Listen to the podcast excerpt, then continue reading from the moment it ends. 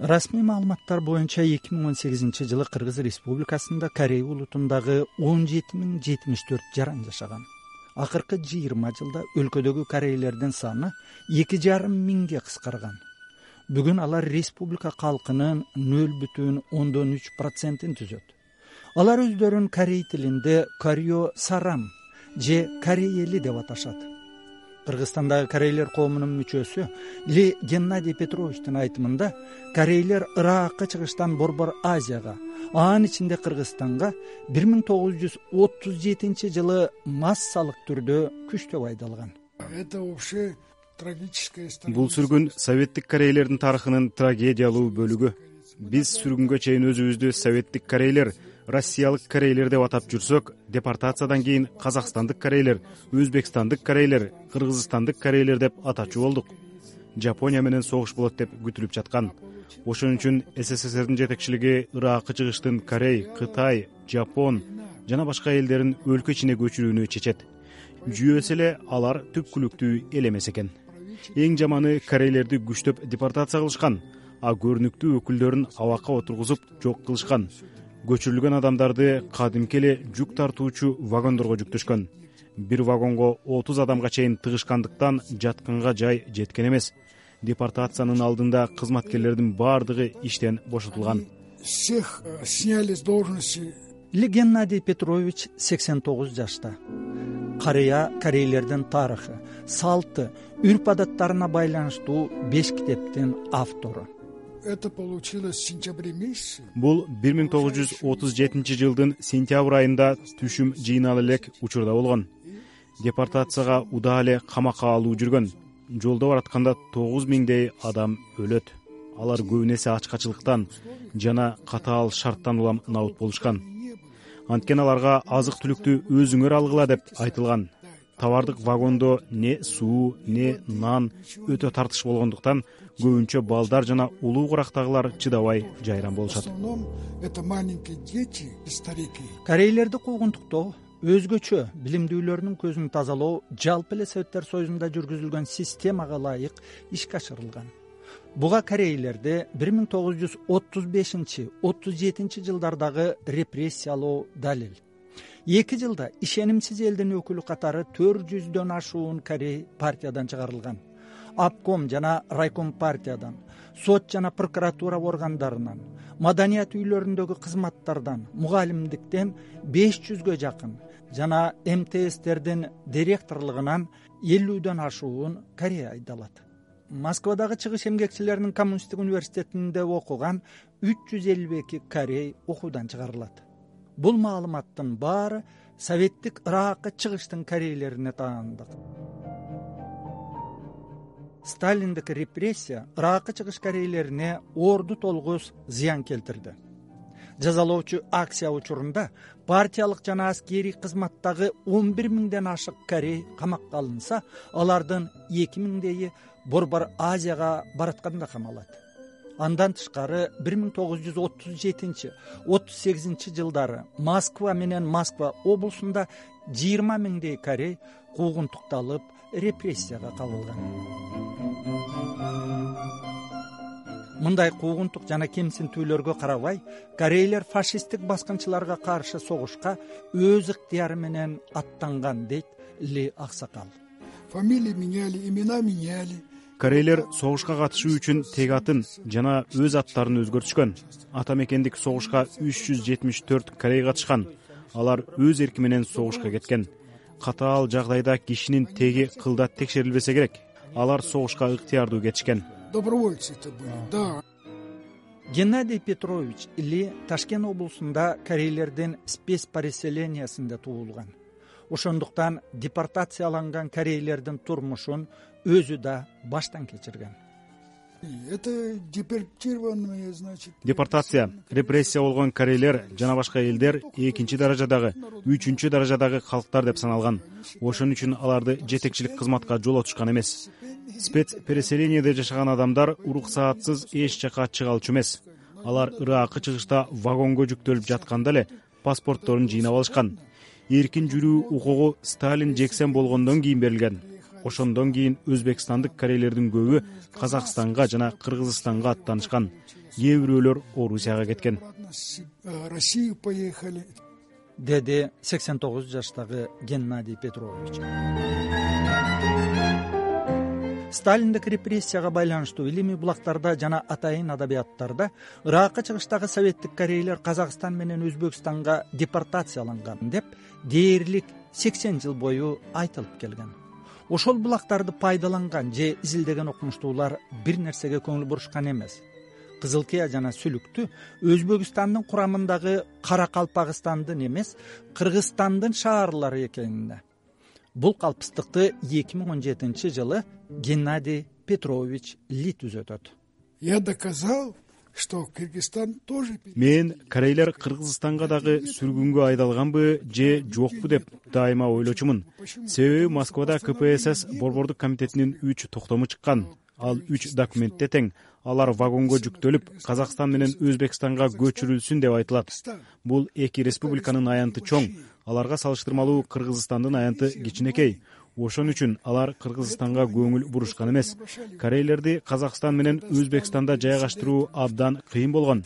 Анткени бир миң тогуз жүз отузунчу жылдары калк жакыр жашаган эле. Годы да они бедно жили деди геннадий петрович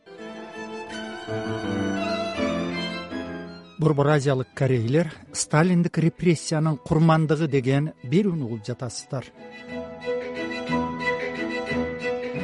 Сссрдин ички иштер боюнча эл комиссары ежовдун ссср эл комиссарлар советинин төрагасы молотовго жазган докладынан. Бир миң тогуз жүз отуз жетинчи жылдын жыйырма бешинчи октябрында ыракы чыгыш крайында жашаган корейлерди көчүрүү аяктады. Жүз жыйырма төрт эшелонго отуз алты миң төрт жүз кырк эки үй бүлө жүз жетимиш бир миң жети жүз сексен бир адам жүктөлдү. Ыракы чыгыш крайында камчатка жана охотскийде спец переселенецтер калды. Баардыгы жети жүзгө жакын адам. Алар ушул жылдын биринчи ноябрына чейин көчүрүлөт. Корейлер мындай бөлүндү. Өзбек ссрине он алты миң эки жүз жетимиш эки үй бүлө жетимиш алты миң эки жүз элүү алты адам. Казак ссрине жыйырма миң жүз жетимиш үй бүлө токсон эки миң эки жүз элүү алты адам бул жакка келген жетимиш алты эшелондогулар вагондордон түшүрүлдү. Жолдо дагы кырк сегиз эшелон келатат. Бул докладда сиздер байкагандай кыргыз сссри аталбайт. Бирок бир миң тогуз жүз отуз жетинчи жылы бешинчи декабрда каракалпак ассрине көчүрүлүп келген корейлер жер жерлерге кандай жайгаштырылганы тууралуу маалыматта кызыл кыяга бир жүз алтымыш төрт үй бүлө же эки жүз отуз төрт корей сүлүктү шаарына караштуу пролетарская станциясына элүү бир үй бүлө же бир жүз сексен жети корей бөлүнөт. Ал эми кийинки жылдын бешинчи декабрына карай кенчилердин бул эки шаарында беш жүз сегиз корей бар деп катталат. Нквднын жетекчилиги жогорудагы катасын он жылдан кийин оңдойт. Казак өзбек жана кыргыз сссрнын аймагында жашаган баардык корейлердин өз колхозу үй жайы малы айыл чарба шаймандары бар. Жаңы жерде ирденип алышты деп белгиленет бир миң тогуз жүз кырк сегизинчи жылкы докладта кыргыз элинде жол азабы көр азабы деп бекеринен айтылбаса керек. Ыракка чыгыштан айдалган корейлер поезд менен борбор азияга бир айда жетет. Ал аралыкта ачкачылыктан жана оорудан тогуз миң корей өлөт а депортация мезгилинде корей эли жалпысынан элүү миңден көп уул кызын жоготот. Саясий репрессия дейбизби же мамлекет тарабынан өз жарандарына каршы уюштурулган кандуу жортуул дейбизби? Анын кесепетинен советтик корейлер эне тилинен маданиятынан улуттук каада салтынан ажырады. Себеби шордуу эл катаал шартта бейтааныш жагдайда жашап кеткени менен маданий очогунан айрылып калышкан эле алар ыракы чыгыштан айдалганга чейин корей тилиндеги үч жүз сексен мектеби эки педагогикалык техникуму педагогикалык институту гезит журналдары бар эле. Мектептер менен окуу жайлар бир миң тогуз жүз отуз сегизинчи жылдын биринчи сентябрында совет өкмөтүнүн токтому менен биротоло жабылат.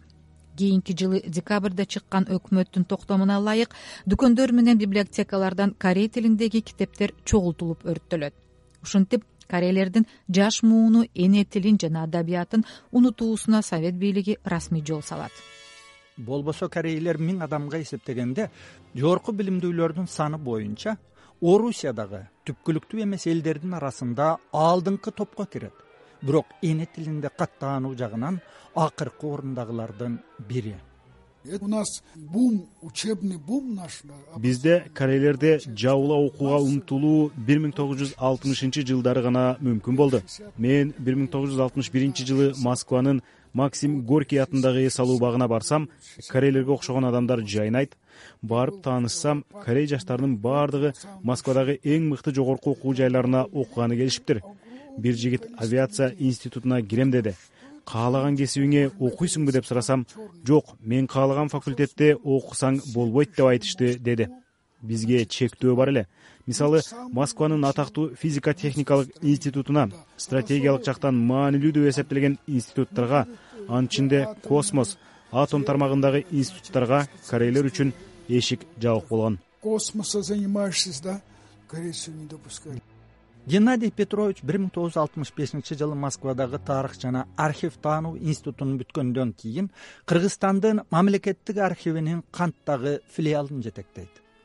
Андан кийин кыргыз ссринин борбордук архивинин директорунун илимий иштер боюнча орун басары а бир миң тогуз жүз жетимиш экинчи жетимиш төртүнчү жылдары кино фото документтер боюнча борбордук мамлекеттик архивдин директору болуп иштейт геннадий петрович айткандай корей жаштарынын жапырт окууга умтулуусу өткөн кылымдын алтымышынчы жетимишинчи жылдарына туура келет. Бул жылдары студенттердин саны боюнча он миң адамга эсептегенде корейлер жөөттөрдөн кийинки экинчи орунда турган. Же жогорку билимдүү корейлердин саны ссср боюнча орто көрсөткүчтөн эки эсе жогору болгон бир миң тогуз жүз алтымышынчы жылга карай корейлер миң адамга эсептегенде социалисттик эмгектин баатырларынын саны боюнча мурдакы советтер союзунда биринчи орунда турган. төрт жүз кырк миң элдин ичинен эки жүз тогуз адамга береги наам ыйгарылган. Анын ичинде өзбекстандагы полярная звезда колхозундай эле социалисттик эмгектин жыйырма беш баатыры болгон а колхоздун башкармасы ким пен хван биздин таштанбек акматовдой бул наамды эки жолу алган. Себеби чарбалык эсептин негизинде иштеген чарбадагы бригадалар ошол кездеги советтик колхоз совхоздорго салыштырмалуу жашылча жемишти эки төрт эсе көп өндүргөн. Экс советтик корейлер корье сарамдардын катаал тагдырына арналган берүүнү корей жазуучусу владимир наумович кимдин? Мына бул сөзү менен бүткөргөндү туура көрдүм.